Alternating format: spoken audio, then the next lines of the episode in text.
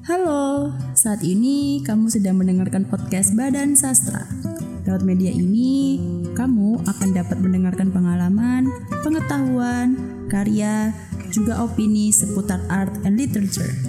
Untuk memperkaya diskusi di media ini, kita akan menjelajahi gagasan dengan mengundang kerabat, pakar, sahabat, dan juga berdiskusi mendalam mengenai suatu topik. Selamat mendengarkan, inilah podcast Badan Sastra.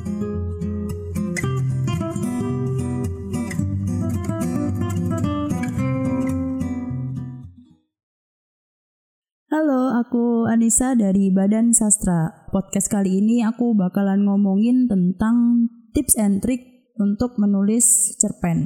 Jadi cerpen atau cerita pendek ini itu adalah bentuk prosa naratif yang bersifat fiktif atau tidak nyata.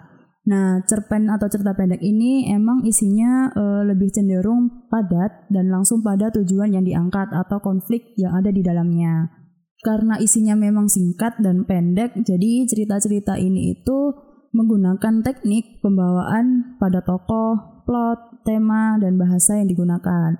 Nah, cerita pendek ini itu memang e, menggambarkan sebuah situasi yang digambarkan secara singkat dan langsung pada tujuan yang diangkat. Jadi emang nggak terlalu bertele-tele, nggak terlalu panjang, tapi emang fokus pada tujuannya. Kayak gitu.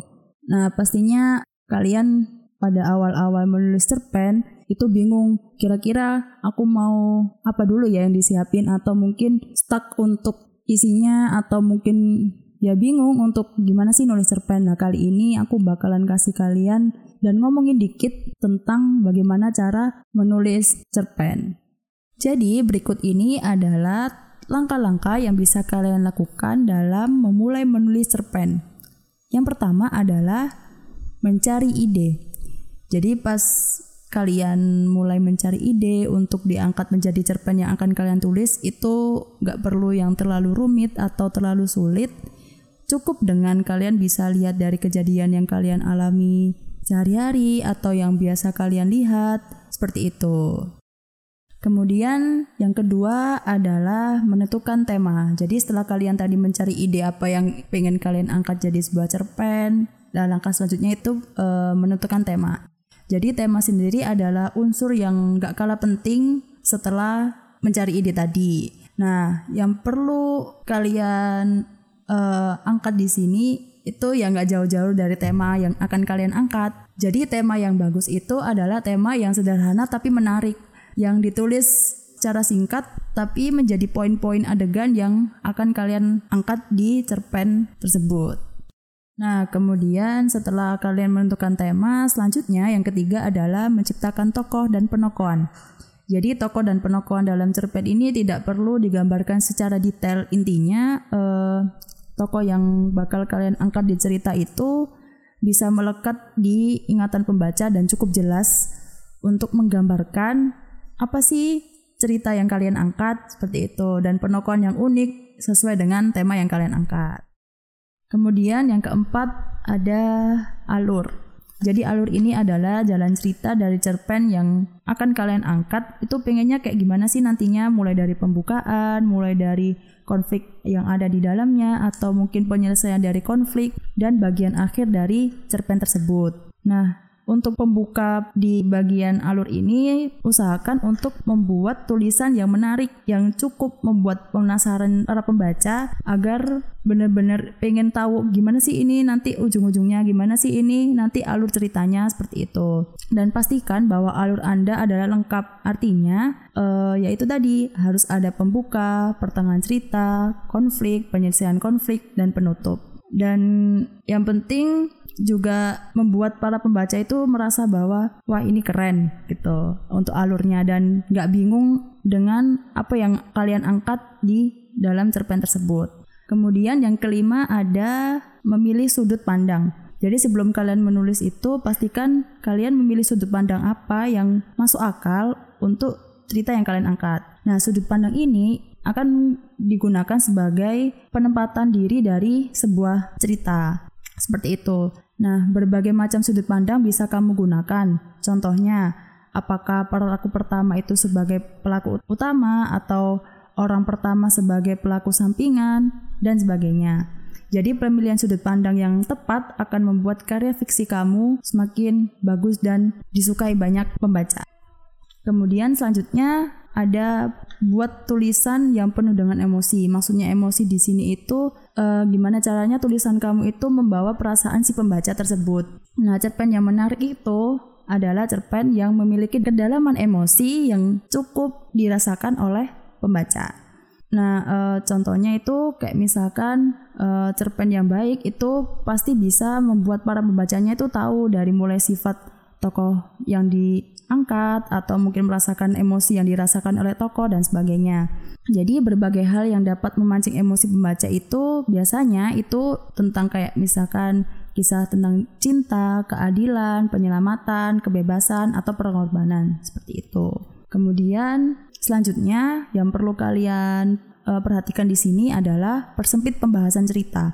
Jadi uh, cerpen ini berbeda dengan novel yang pembahasannya tuh kalau novel benar-benar luas, benar-benar dia mengangkat satu peristiwa tokoh dan tokoh-tokoh yang lain. Sedangkan kalau misalkan cerpen ini benar-benar memiliki batasan untuk yang kita bahas dalam uh, apa yang kita tulis gitu. Dan cerpen ini biasanya juga memiliki batasan kata dalam penulisannya. Nah, oleh sebab itu, maka pembahasan cerita ini perlu dibuat singkat dan benar-benar berfokus pada suatu peristiwa yang ada dalam kehidupan tokoh yang memang dari awal kita fokuskan untuk dibahas dan uh, diangkat dalam cerita yang kita pakai di dalam cerpen itu. Nah, untuk tahap yang selanjutnya uh, ini juga nggak kalah penting nih. Ada judul dan alur cerita yang memikat. Jadi judul ini uh, benar-benar kita harus buat semenarik mungkin karena hal yang pasti diperhatikan oleh pembaca adalah judul cerpen yang kita angkat. Nah, pembuatan judul yang memikat dan menarik pembaca itu membuat uh, dan bisa memancing rasa ingin tahu dari pembaca. Eh, ini apa ya? Ini kira-kira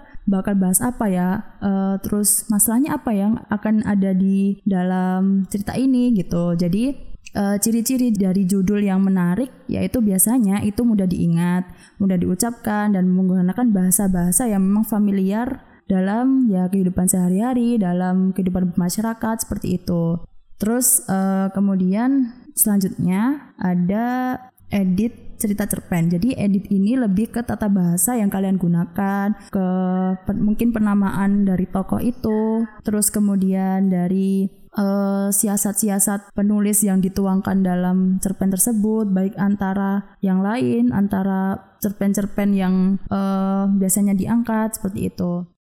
Nah, di tahap selanjutnya ini adalah tahap terakhir dari tips and trick menulis cerpen versi tim Badan Sastra, yaitu editing cerpen. Nah, yang namanya editing pasti ya diedit dong ya. Nah, itu uh, lebih kayak kita mengoreksi ulang apa yang sudah kita susun dan kita tulis pada cerpen yang kita buat. Nah, yang perlu dilakukan pastinya adalah membaca ulang dan mengedit cerita tersebut supaya menghasilkan karya yang terbaik.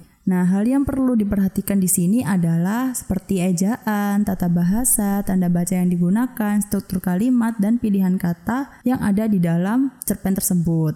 Nah, fungsinya supaya para pembaca nanti juga mudah memahami apa yang kita sampaikan di dalam cerpen, terus juga tidak bingung dengan uh, apa yang kita ingin sampaikan di situ, seperti itu. Nah, terus penulisan cerpen yang menarik pun itu juga membutuhkan taktik dan proses untuk menulisnya. Jadi kalian juga jangan nyerah kalau misalkan ketika kita sudah berusaha, ketika kalian sudah berusaha tapi masih banyak yang aduh salahnya di sini oh ini kurang bagus ah ini. Nggak apa-apa kita perlu berproses dalam melakukan sebuah karya apalagi menulis seperti itu. Jadi juga butuh proses Nah, itu tadi uh, beberapa tips dan trik menulis cerpen versi Badan Sastra yang mungkin bisa membantu kalian dalam uh, memulai menulis cerpen atau bagi kalian yang masih pemula atau kalian yang bingung gimana sih caranya menulis cerpen, gimana sih aku harus memulai gitu. Ya kuncinya emang kita perlu memulai Nah, ini ada juga tips dari kami yang maksudnya bisa memperkaya kalian dalam mencari referensi. Kalian juga perlu untuk memperbanyak membaca referensi karya-karya cerpen yang lain. Jadi fungsinya itu benar-benar penting buat kalian apalagi yang pemula dalam mulai menulis cerpen. Uh, mungkin kalian bisa mencari referensinya di internet atau dari buku-buku atau dari literatur yang lain. Itu benar-benar akan membantu kalian dalam melakukan proses menulis cerpen. Nah, dari beberapa tips yang kita udah paparin tadi, mulai dari ada mencari ide, alur tema, penokohan, terus yang terakhir adalah editing cerpen. Nah, selanjutnya itu mungkin kalian juga perlu nih, yaitu memperbanyak membaca referensi. Nah, fungsinya memperbanyak membaca referensi ini juga bisa memperkaya kalian dalam dari mulai ide cerita mungkin, dari mulai tata bahasa atau penyampaian yang ditulis penulis lain. Gimana sih caranya menarik biar uh, para calon pembaca nanti itu juga tertarik dengan tulisan kita. Karena ketika kita membaca, kita juga bisa mengevaluasi dan mencermati serta menganalisis, oh ini loh yang kurang dari tulisan aku, oh ini yang perlu diperbaiki. Tapi uh, ketika kita membaca referensi kita tidak perlu terlalu membandingkan uh, hasil karya kita dengan hasil karya orang lain. Jadi kita perlu bangga dengan apa yang sudah kita capai dan uh, pasti kita juga berproses untuk menjadi yang lebih baik. Nah, cukup untuk pembahasan kita kali ini tentang tips and trick menulis cerpen versi tim Badan Sastra. Dan tentunya kita benar-benar terima kasih buat kalian yang sudah mendengarkan kita kali ini. Dan tentunya kita juga benar-benar butuh uh, saran dari kalian mungkin dari cara pembawaan atau kalian punya uh, masukan untuk bahas ini nih, bahas konten yang menarik untuk podcast kita selanjutnya kalian bisa tulis di direct message atau bisa kalian tulis di kolom komentar di Instagram kami di @badansastra. Sampai jumpa di konten selanjutnya. Terima kasih.